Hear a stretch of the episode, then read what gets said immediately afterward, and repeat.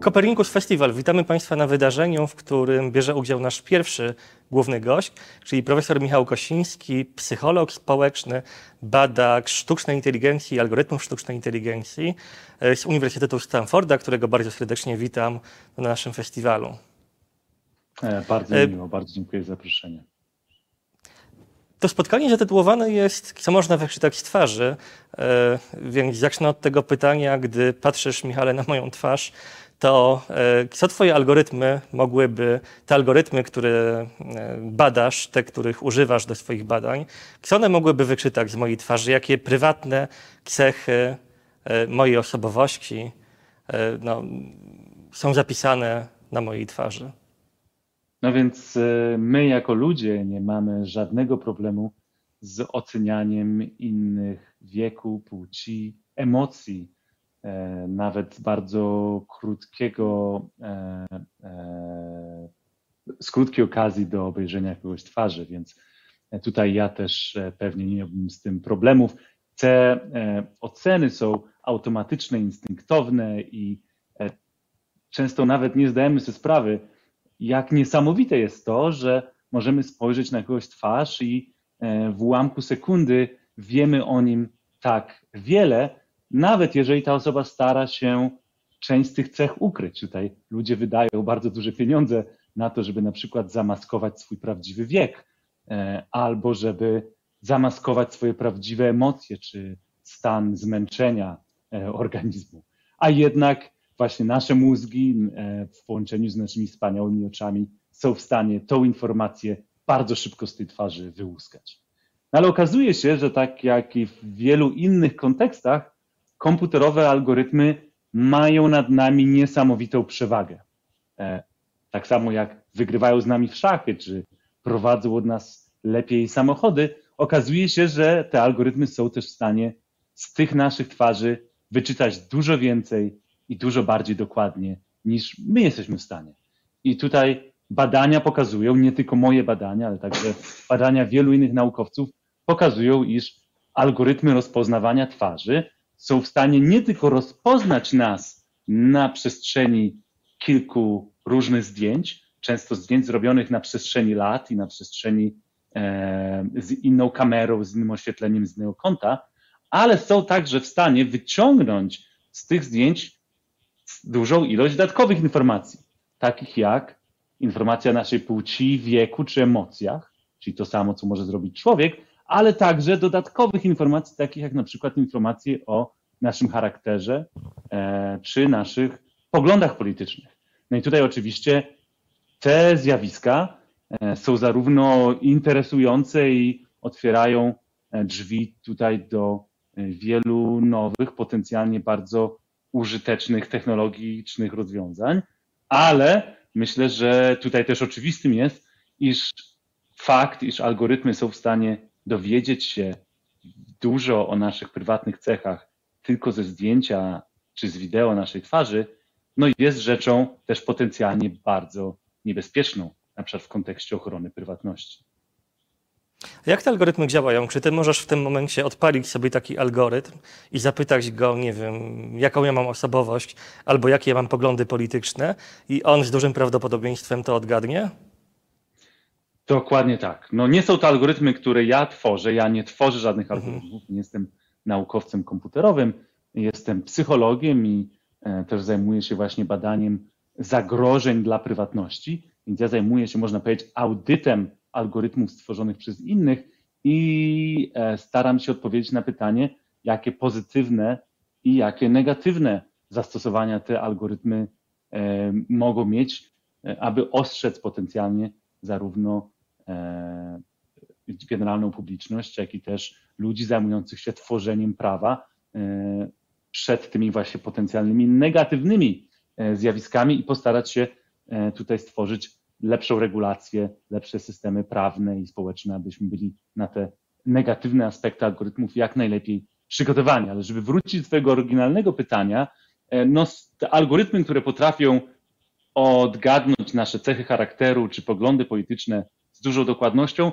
nie są to e, e, jakieś algorytmy zamknięte w tajemniczych laboratoriach, Są to algorytmy, które znajdują się na naszych telefonach, wykorzystywane są przez platformy takie jak Facebook czy Google i analizują zdjęcia, które są do tych platform uploadowane. I te algorytmy, ich można powiedzieć podstawowym zadaniem jest to, aby rozpoznać nas na przestrzeni kilku zdjęć, żeby stwierdzić, że tutaj na tym nowym zdjęciu zaploadowanym do Facebooka też znajduje się na przykład moja twarz. Ale okazuje się, że ten sam algorytm może porównać moją twarz z twarzami powiedzmy tysiąca liberałów i tysiąca konserwatystów i okazuje się, że moja twarz będzie trochę bardziej podobna do twarzy ludzi, którzy mają poglądy polityczne, które podobne są do mnie.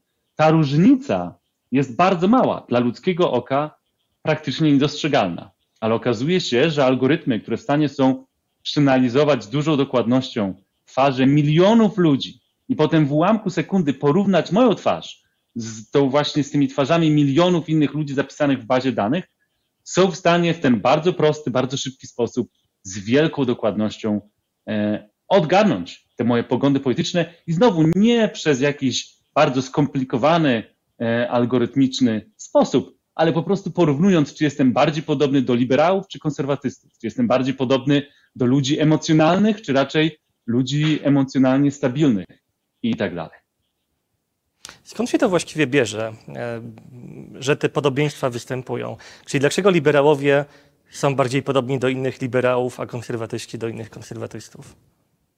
No więc ja jestem klasycznie wykształconym psychologiem i taka dogma, taka, e, e, można powiedzieć, taka zasada w psychologii jest taka, że no tutaj nasze, nasz wygląd nie powinien być w znacznym stopniu połączony z naszymi cechami osobowości, ale jak się pomyśli o tym trochę więcej i tutaj właśnie te wyniki oparte na tych nowych algorytmach trochę nam tutaj, można powiedzieć, e, e, stawiają wyzwanie właśnie dla tych tradycyjnych psychologicznych teorii, bo one pokazują właśnie, że to, co wydawało się mi także i innym psychologom zupełnie niemożliwe, okazuje się, że algorytmy są w stanie niestety, a czasami na szczęście, zrobić e, z łatwością. Więc pytanie właśnie, no wrócę do Twojego pytania znowu, dlaczego byłoby to możliwe? No, myślę, że nie będzie to stwierdzeniem zbyt kontrowersyjnym, e, to, że w wielu przypadkach jesteśmy podobni do ludzi, e, z którymi spędzamy dużo czasu i z którymi e, dzielimy poglądy, czy dzielimy wartości, czy zainteresowania. Jednym z takich przykładów, który powoduje właśnie to podobieństwo, jest moda. Spędzamy czas z ludźmi o takich samych poglądach politycznych często E, i adoptujemy ich modę. Czy to modę na to, jak e, swój zarost e, kształtować, czy modę na to, jaki stosować makijaż, czy też jaki styl naszego ostrzyżenia. No i to już powoduje, że jesteśmy w pewnym stopniu do nich bardziej podobni. Ale są tutaj dużo bardziej subtelnych, podobnych zjawisk. Na przykład okazuje się, że ludzie o różnych cechach charakteru mają różne tendencje, jeżeli chodzi o wyrazy twarzy. Na przykład okazuje się, iż konserwatyści e, mają tendencję do tego, żeby na swoich zdjęciach profilowych trochę częściej się uśmiechać i w swoich interakcjach z innymi ludźmi trochę częściej się uśmiechać. To trochę częściej to jest naprawdę bardzo mała liczba. Jeżeli dobrze pamiętam, może 1%, czyli 1,5%.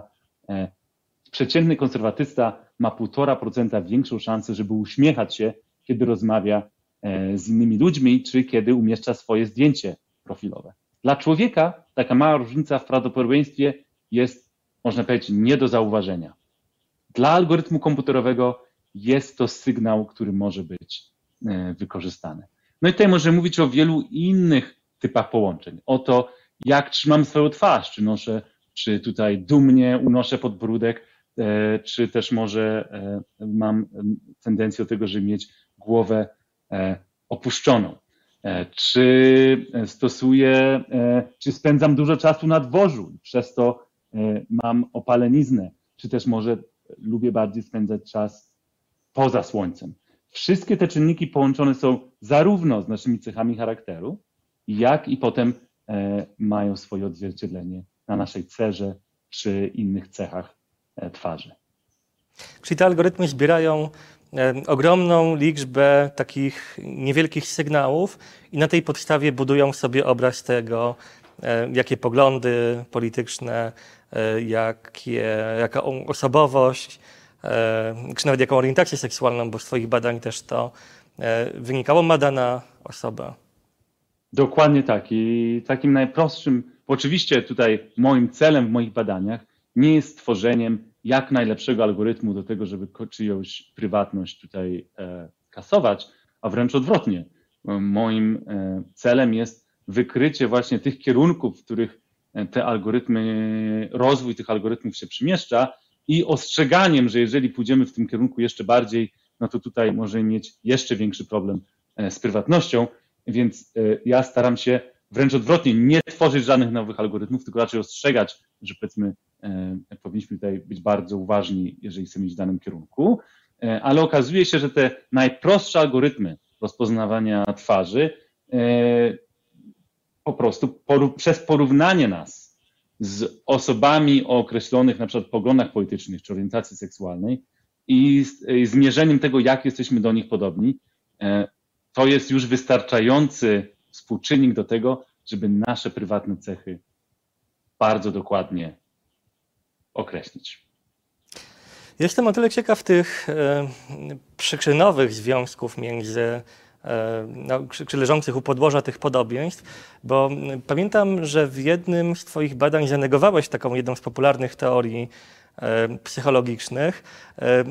Ta teoria mówi o tym, że ludzie, którzy żyją długo w związkach, upodabniają się do siebie i psychologia, no, zwłaszcza taka prowadzona w nurcie ucieleśnionego poznania, ona miała to całkiem sensowne wytłumaczenie, czyli że jeżeli żyjemy z kimś w związku, to my najczęściej tę osobę imitujemy wyrazy twarzy imitujemy. No, wchodziły tam w grę również inne podobieństwa, na przykład takie, że e, osoby, które no, są w związku, często mają podobne przeżycia, e, czy podobną dietę stosują i tak dalej. Więc no, tutaj to wyjaśnienie było sensowne. Obserwacja była właśnie taka, że wydaje się, że ludzie, którzy żyją długo w związku, z wiekiem upodabniają się do siebie. Natomiast no, w jednym ze swoich badań zanegowałeś ten związek, więc dlatego zastanawiam zastanawiam się, na ile, czy no, pokazałeś, że algorytmy, mówiąc precyzyjnie, pokazałeś, że algorytmy e, e, zaprzeczają temu, że e, z wiekiem twarze się do siebie ludzi żyjących w związkach upodabniają. Więc ja ciągle zastanawiam się nad tym, jaki jest ten mechanizm, skoro jeden z tych właśnie takich klasycznych wyjaśnień psychologów musimy odrzucić. Dokładnie tak. E, myślę, że te mechanizmy są dużo bardziej skomplikowane niż nam się wydaje i e, często ta właśnie takie najprostsze czy najbardziej intuicyjne dla człowieka wytłumaczenia wcale nie muszą być prawdziwe. No tutaj nie ma wątpienia, dodam, że ludzie, którzy są w związkach, są do siebie podobni. E, tylko właśnie tutaj było takie pytanie, dlaczego ci ludzie są do siebie podobni? Jedna teoria była taka, że się do siebie z czasem upodabniają. Druga teoria jest taka, że po prostu ludzie dobierają się do tych związków e, pod względem podobieństwa. A jest jeszcze trzecie wytłumaczenie, mianowicie może się okazać tak, że ludzie dobierają się zupełnie losowo, ale potem ci bardziej do siebie podobni dłużej w tych związkach ze mhm. sobą mhm, wytrzymują z jakiegoś powodu. Więc tutaj tych, można powiedzieć, dróg dojścia do danego efektu może być bardzo dużo i e, w moim przypadku ja jestem najbardziej zainteresowany samym wynikiem tych procesów, czyli nie skupiam się w moich badaniach tak bardzo na określeniu, który z tych procesów jest prawdziwy, a raczej staram się zacząć od tego, żeby zmierzyć, czy ten wynik jest istotny, tak? czy to podobieństwo istnieje, albo podobieństwo, czy podobieństwo między małżonkami, czy też podobieństwo między liberałami, czy konserwatystami i tak dalej. I myślę, że dopiero jak stwierdzimy, że takie podobieństwo istnieje, co już od razu ma bardzo ważkie konsekwencje, bo ma na przykład mhm. ważkie konsekwencje w kontekście ochrony prywatności. Ale dopiero jak stwierdzimy ponad, można powiedzieć, e, wszelką wątpliwość, e, czy reasonable, taką e, rozsądną. Rozsądną, dzięki wątpliwość, że takie połączenie istnieje, to dopiero wtedy należy się postarać to zagłębić i stwierdzić, dlaczego E, taki wynik obserwujemy w naturze. Ale tu znowu podkreślę, nawet jeżeli nie do końca rozumiemy, dlaczego takie podobieństwo występuje. A powiem, że nie rozumiemy też także, w jaki sposób te algorytmy wyłuskują to prawdopodobieństwo. Więc e, tutaj jeszcze jedna e, jest niewiadoma, mianowicie jak te algorytmy pracują. Mamy jakiś ogólny pogląd na ten temat, ale szczegóły są, no można powiedzieć, nam jeszcze dzisiaj nieznane. I pytanie jest w ogóle, czy kiedykolwiek będziemy w stanie je poznać, bo może być tak, że stopień skomplikowania tych algorytmów, który także wzrasta szybko.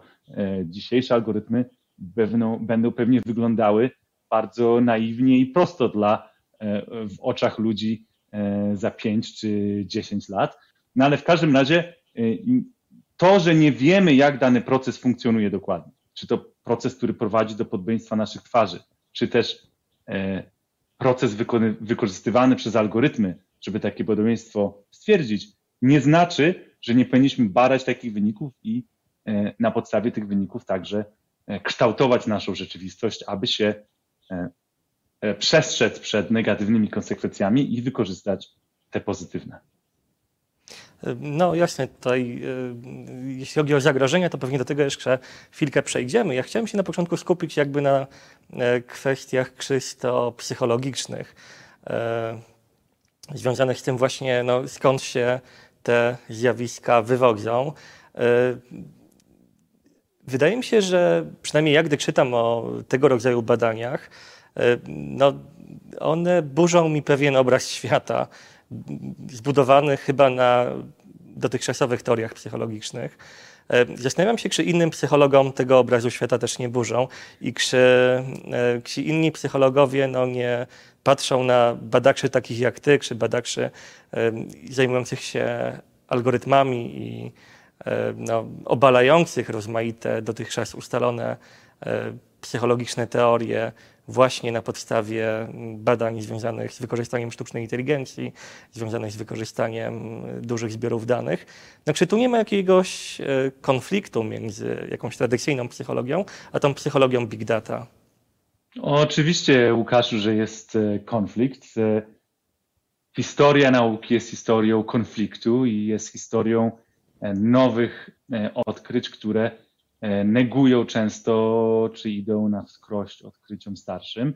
I podkreślić należy, że ten sceptycyzm i powątpiewanie w te nowe wyniki jest jak najbardziej uzasadnione, bo pamiętajmy o tym, że większość z tych nowych teorii, które jakoś tam, czy nowych wyników empirycznych, które tam idą na wskroś e, wyników historycznych, okazuje się, że są błędem, czy to błędem pomiaru, czy wynikają z jakichś tam E, szczególnych e, e, charakterystyk danej grupy badanej i tak dalej. Więc tutaj zarówno ja jestem bardzo sceptyczny co do swoich własnych wyników, jak i bardzo się cieszę, że inni naukowcy też są w stosunku do takich wyników bardzo sceptyczni, bo powoduje to, że te błędy, które zarówno ja, jak i inni naukowcy na pewno w swojej karierze popełniamy i będziemy popełniać, mogą być jak najszybciej e, wykryte. Więc właśnie to powątpiewanie, co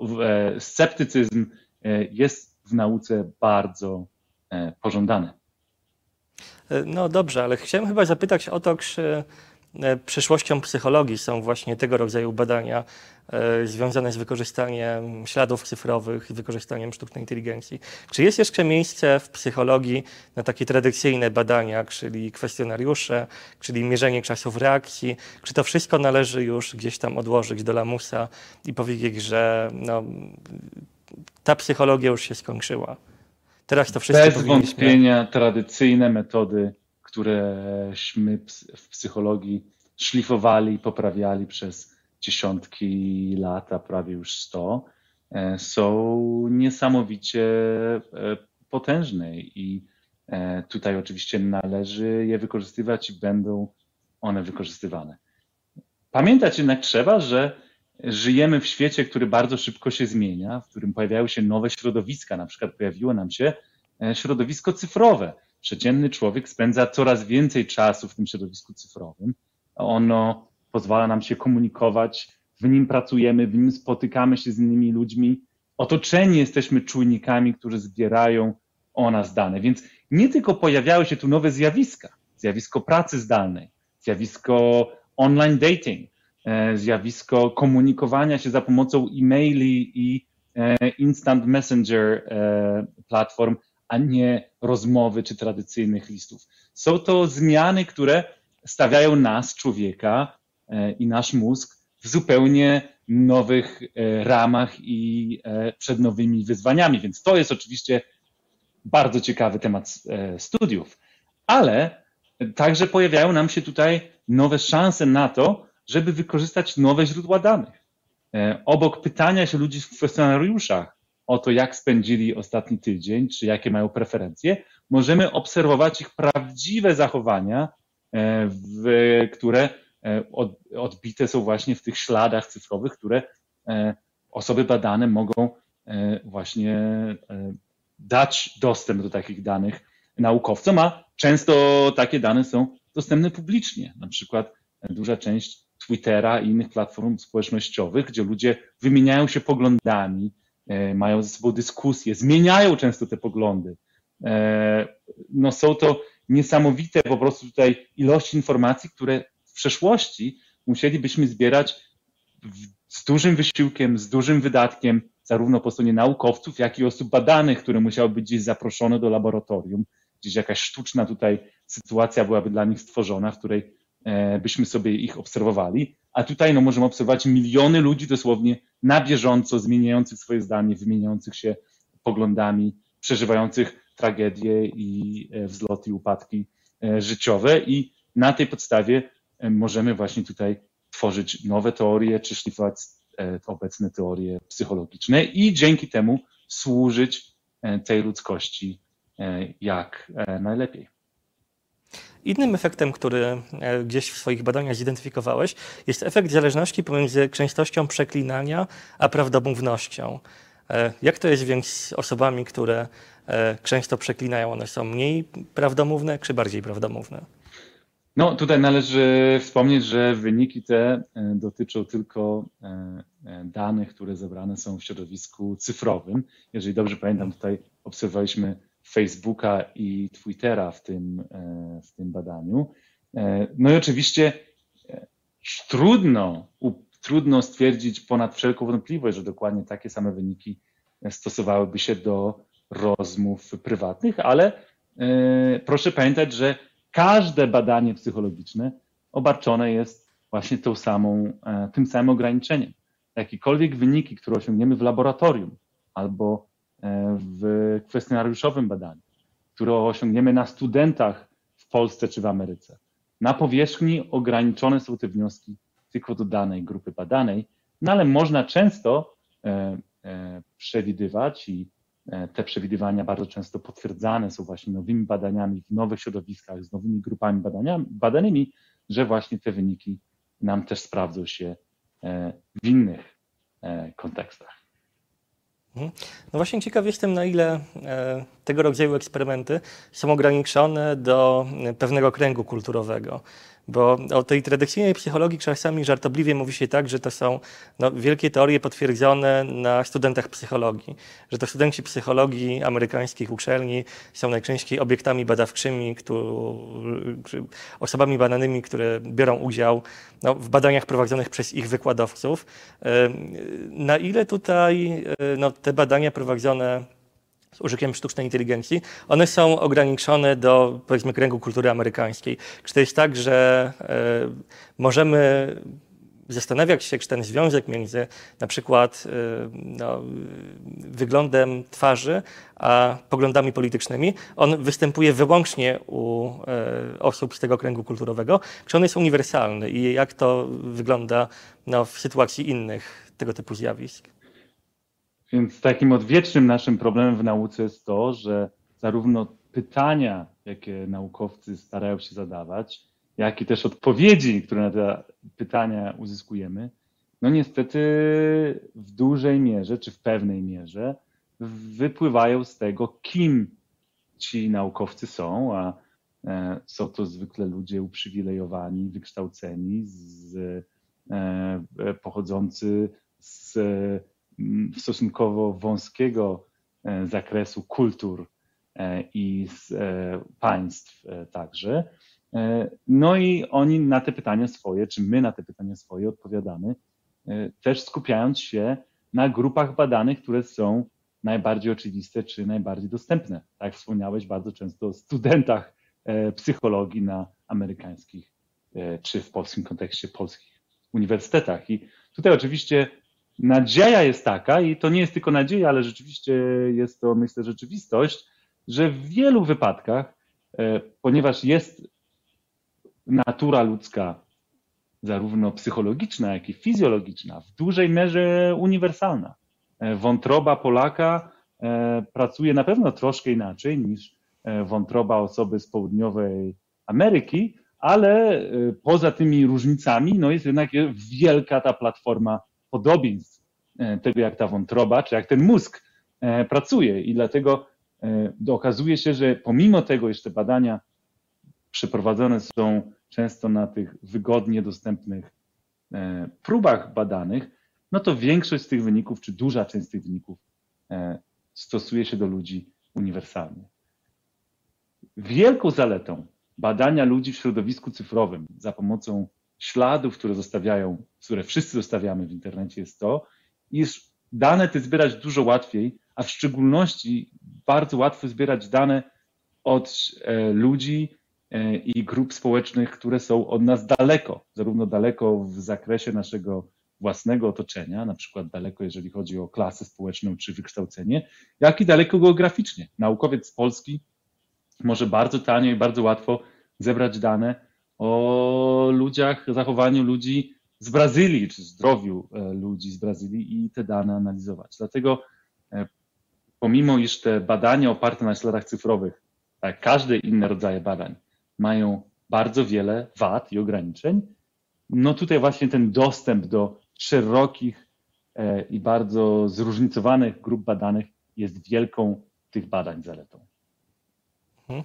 E, pomówmy chwilę jeszcze o tych zagrożeniach, no, na których skupiasz się w swoich publikacjach bardzo mocno. No, jednym z takich oczywistych zagrożeń, czy oczywistych już teraz, gdy e, no, świat się o tym dowiedział, również z Twoich wypowiedzi, z Twoich wystąpień, z Twoich publikacji, e, no nie tylko naukowych, ale też w mediach.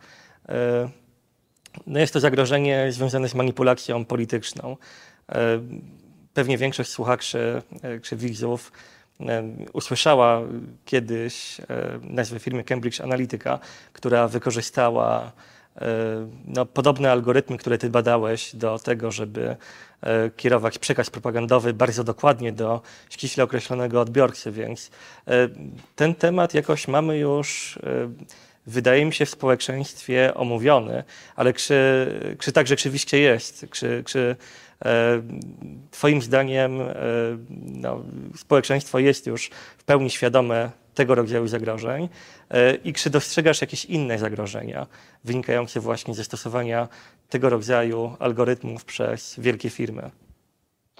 Tutaj oczywiście społeczeństwo będzie zawsze i naukowcy będziemy i e, też nasi e, ustawodawcy czy regulatorzy będą zawsze kilka kroków za postępem technologicznym, dlatego iż ten mhm.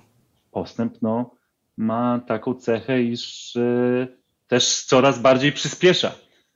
Ta, ten postęp technologiczny, jest ta teoria pokazująca, że jest e, to eksponencyjnie się e, zwiększa, więc z każdym rokiem to skomplikowanie tych nowych technologii wzrasta nam coraz szybciej i oczywiście ustawodawcy, czy każdy z nas e, no, ma tutaj problem z tym, żeby być na bieżąco. W przypadku, co nie znaczy oczywiście, że powinniśmy dać za wygraną, powinniśmy po prostu do tego się bardziej przykładać i niestety uświadomić sobie, że tak jak dzisiaj, jak i zawsze w przeszłości będziemy popełniali błędy, zarówno po stronie ustawodawców i regulatorów, którzy nie zawsze zdążą zdać sobie sprawę z zagrożeń i im zaradzić, a także po stronie firm technologicznych, które często, czy zwykle, ja przynajmniej przypuszczam, iż w wielkiej większości przypadków firmy technologiczne wdrażają nowe rozwiązania i nowe technologie z dobrymi intencjami. Pracują w tych firmach ludzie tacy jak ty i ja, i większość z tych ludzi nie ma tutaj na myśli właśnie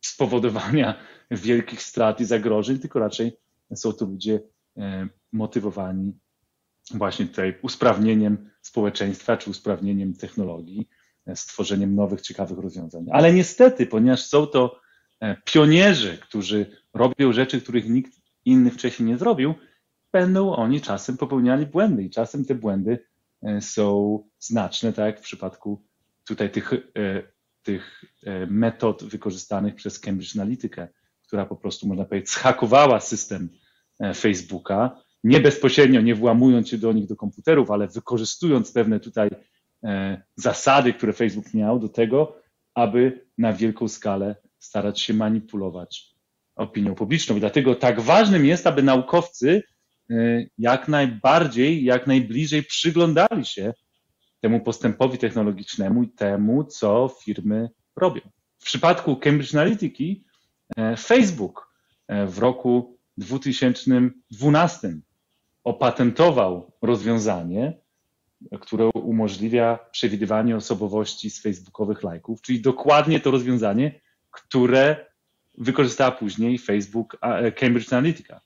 E, jak ten patent się pojawił, ja w tym samym czasie badałem podobne rzeczy, więc zainteresowałem się tym i opublikowałem artykuł, który pokazywał, że ten patent, że ta technologia opatentowana przez Facebooka, e, no ma tutaj różne ciekawe i wspaniałe zastosowania, ale może być też wykorzystywana do tego, żeby z, zagrozić ludzi prywatności i umożliwić manipulację na wielką skalę.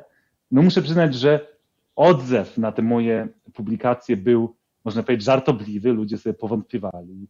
E, dziennikarze robili sobie tutaj, żartowali sobie na ten temat, ale jednak regulatorzy w Stanach Zjednoczonych i w Europie oraz także Facebook sam w sobie wziął te wyniki dużo bardziej poważnie i e, no, e, przykładem jest to na przykład, że facebookowe lajki dwa tygodnie po tym, jak opublikowałem ten artykuł, E, Facebook usunął je z internetu i było je dużo trudniej nagrać, dzięki czemu ta luka w zabezpieczeniach Facebooka, którą Cambridge Analytica wykorzystała potem dwa czy trzy lata później, e, bardzo się zawęziła. No i tu można powiedzieć, że też jednym z zalet tego skandalu z Cambridge Analytica jest to, iż ta firma bardzo otwarcie przyznała się do metod, które stosowała, chwaliła się tym, pewnie nie zdając sobie sprawy, jak nie w porządku, jak nieetyczne i często nielegalne były ich działania. I dzięki temu właśnie, że e, oni tak sobie tutaj to niechlujnie e, ten swój PR prowadzili, e, no społeczeństwo dowiedziało się o tym i zmotywowało tych regulatorów na całym świecie, aby się za tą sprawę poważniej wziąć. Pamiętać trzeba, że Cambridge Analytica nie była pierwszą firmą, która takie właśnie technologie wykorzystywała bo jak wspomniałem wcześniej, nawet Facebook 4 lata przed mhm. Cambridge Analyticą e, opatentował e, i wykorzystywał takie, dokładnie takie same technologie. Gdy pytałem się o zagrożenia wynikające właśnie ze stosowania tych algorytmów, no to ty roztoczyłeś taką wizję człowieka jako, czy osób pracujących w tych firmach technologicznych jako takich e, ludzi, którzy mają dobro ludzkości, E, na myśli i na sercu. No, ja zastanawiam się, na ile ten obraz no, nie powinien być weryfikowany o ten taki banalny fakt, że firmom jednak zależy, korporacjom takim jak Facebook, zależy jednak na zysku.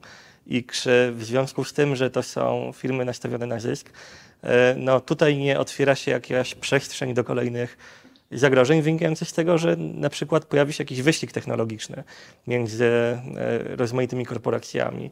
E, swoją drogą, czy to jest też tak, że e, firmy takie jak Facebook prowadzą tego rodzaju badania, zatrudniają takich naukowców jak ty do tego, żeby prowadzili na ich użytek wewnętrzny rozmaite badania, czy to jest tak, że społeczność naukowa jednak jest całkowicie, działa oddzielnie w separacji od tego rodzaju korporacji? Ja osobiście staram się, nie staram się, ale po prostu mam taką zasadę, iż działam całkowicie oddzielnie. E, nie mam ani żadnych funduszy, ani żadnej współpracy nawiązanej z takimi organizacjami i robię to dlatego, aby nie było wątpliwości tutaj jakie mam intencje w swoich badaniach i żeby tu nie było żadnych postrzeganych konfliktów interesów. Ale jest popyt Ale na takich specjalistów w korporacjach. Jest popyt i niestety rodzaju. właśnie większość z moich bardziej zdolnych kolegów, czy bardziej rozsądnych ludzi, którzy, z którymi studiowałem, pracują dzisiaj w korporacjach i robią tam badania, o których ja mógłbym tylko pomarzyć. Mają dostęp do niesamowitej ilości mocy komputerowej, mają dostęp do niesamowitej ilości danych, e, mogą wykonywać takie badania bez nadzoru e, i bez komisji etycznych. E, komisji etycznych. I no oczywiście tutaj postęp, wielka, cała, cała masa postępu właśnie odbywa się w takich korporacjach w wielkiej mierze za zamkniętymi drzwiami. Czasami takie korporacje publikują, publikują wyniki badań, ale jest to dla nich duże ryzyko, bo nie dość, że wtedy dzielą się ceną informacją z konkurencją, ale także narażają się na to, że tutaj opinia publiczna czy regulatorzy właśnie wykorzystują to ich publiczne przyznanie się, że nad czymś pracują do tego, żeby, e, żeby ograniczyć ich potencjalne zyski, czy wyregulować rynek bardziej, no co oczywiście jest rzeczą bardzo pożądaną.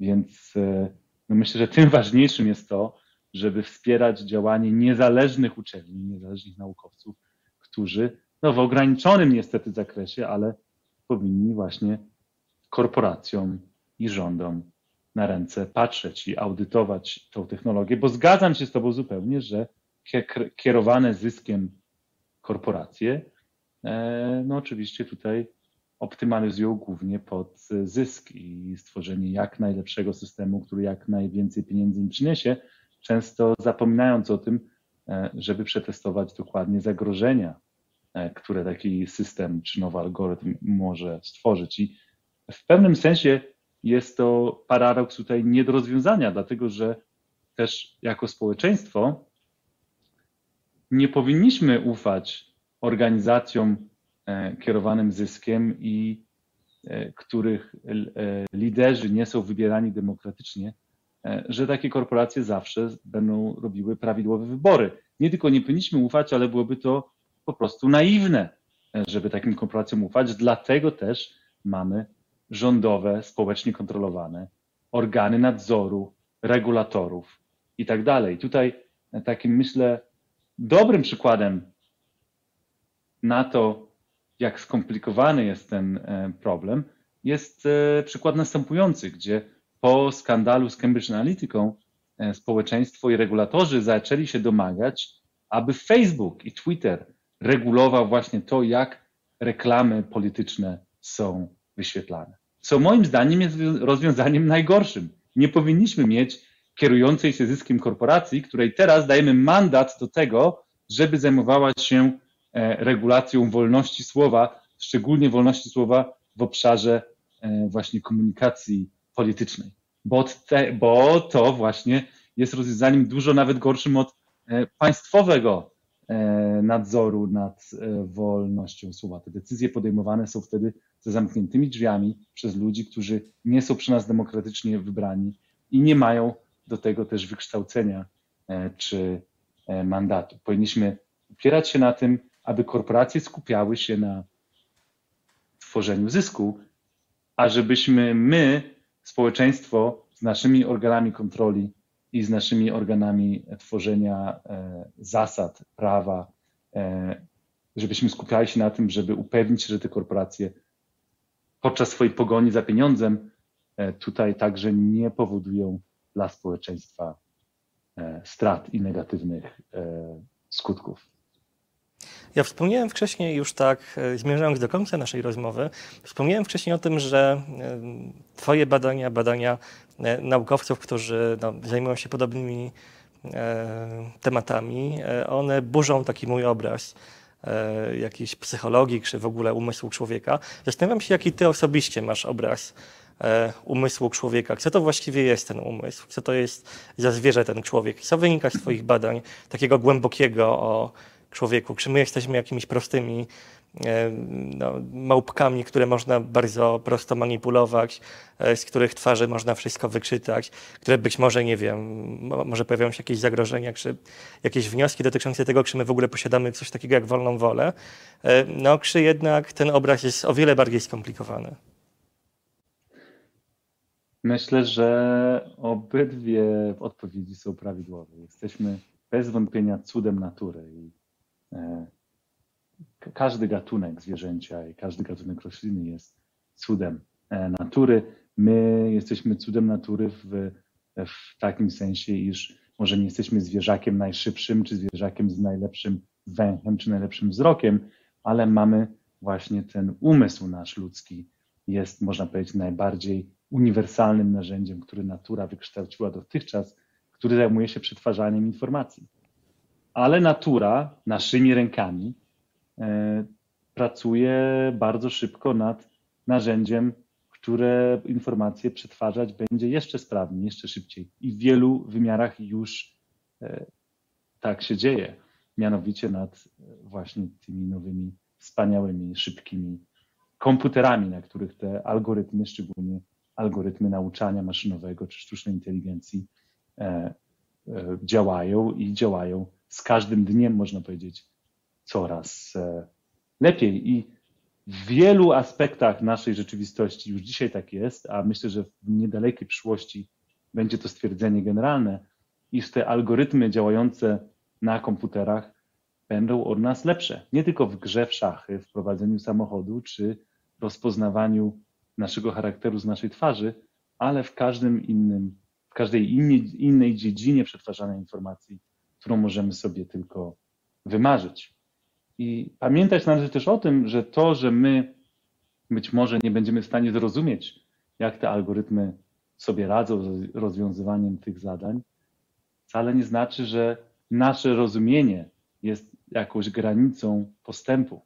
E, nasze zachowanie jest zupełnie niezrozumiałe dla przeciętnego gołębia, co nie znaczy, że nasze zachowanie nie jest e, i nasze wynalazki, nasza kultura nie są rzeczywistością. I tak samo myślę będzie się działo w kontekście algorytmów. Te osiągnięcia, które algorytmy mają już dzisiaj, będą na pewno zwielokrotnione. Zwielokrotnione, proszę zauważyć, z naszym bardzo małym udziałem. Kiedyś myśmy te algorytmy projektowali, e, zarządzając detalami, tłumacząc im dokładnie, jak, te, jak w te szachy trzeba grać i jaki ruch najlepszy jest wykonać. A dzisiaj algorytmom tym tworzymy tylko środowisko, w którym te algorytmy same z siebie uczą się, jak dane problemy rozwiązać. Przykładem jest właśnie algorytm szachowy, kiedy on uczy się grać w szachy nie od nas, czy nie z historycznych gier szachowych przy, przeprowadzonych przez ludzi, ale uczy się grać w szachy grając z drugim algorytmem. I te algorytmy sobie z szachy ze sobą grają i po kilku milionach partii e, są te algorytmy od każdego ludzi coraz lepsze i w tym swoim procesie nauczania algorytmy te odkryły metody grania w szachy, i strategie, które ludziom nigdy do głowy nie przyszły. I nie ma powodu, żeby wątpić, że takie same, e, takie same metody e, mogą być wykorzystywane do tego, żeby uczyć algorytmy, czy to e, tworzenia języka i sztuki i książek, pisania, które nam, ludziom się podoba, będą podobać, ale także rozwiązywania problemów technologicznych, problemów naukowych, tworzenia nowej technologii i E, tak dalej. Więc tutaj e, ten nasz eksponencjalnie wzrastający postęp e, przeniesie się z całą pewnością do świata komputerów i algorytmów. Ale to w takim razie, czy my jeszcze będziemy im potrzebni? my ludzie, czy będziemy sztucznej inteligencji potrzebni, bo e, pytam o to dlatego, że e, no, oczywiście wiele takich rozważań e, ludzie snują, tak jak będzie wyglądała przyszłość cywilizacji w związku z rozwojem sztucznej inteligencji, ale mnie ciekawi to, czy jest Twoim zdaniem szansa na to, że no, te algorytmy staną się na tyle kreatywne, właśnie, że one zaczną wymyślać sobie same pewne nowe zjawiska, nowe problemy badawcze, czy jest w ogóle możliwe, że tam się pojawi coś takiego jak taka zwielokrotniona kreatywność? Czy to jest jednak domena e, ludzkiego umysłu? No, dodam pytanie, trochę przekręcę to pytanie. Czy my jesteśmy szympansom potrzebni? Absolutnie nie jesteśmy szympansom potrzebni. Czy człowiekokształtne małpy są potrzebne do czegoś e, innym e, ssakom? Zupełnie do niczego są e, niepotrzebne. Są to procesy ewolucyjne, które dążą i które powodują właśnie takie spontaniczne pojawienie się, czy to naszego ludzkiego wspaniałego umysłu, czy wspaniałych algorytmów komputerowych. Na koniec dnia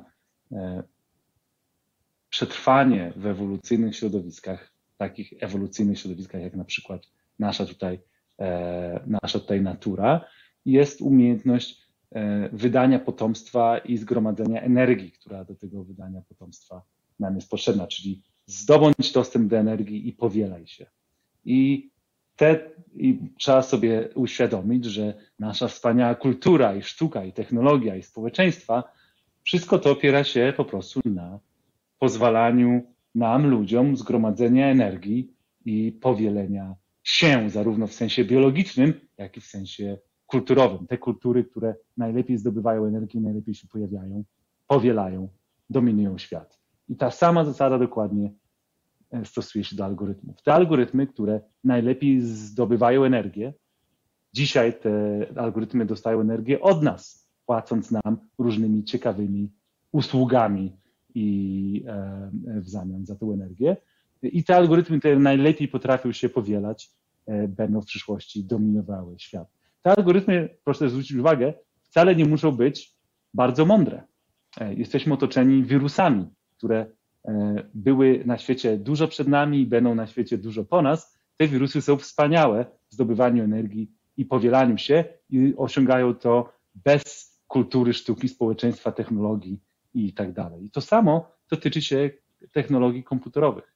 Może się okazać, może się okazać iż te technologie będą ewoluowały i osiągały sukces poprzez właśnie jakieś niesamowite skomplikowanie e, i niesamowite zaawansowanie ich procesów myślowych, a może się okazać, że algorytmy te odkryją jakiś dużo prostszy sposób na to, żeby otrzymać dużo energii i bardzo się powielić. I w którym kierunku ten rozwój pójdzie? No w pewnym sensie zależy to od nas, bo my jesteśmy, można powiedzieć, ważną częścią środowiska naturalnego takich algorytmów i głównym, i głównym e, źródłem energii e, na razie dla takich algorytmów, ale gdzie przyszłość te algorytmy zabierze, bardzo to trudno dzisiaj przewidzieć, a może bardzo łatwo, bo wystarczy spojrzeć na te starego typu algorytmy, takie jak DNA czy RNA e, i ich historię ewolucyjną.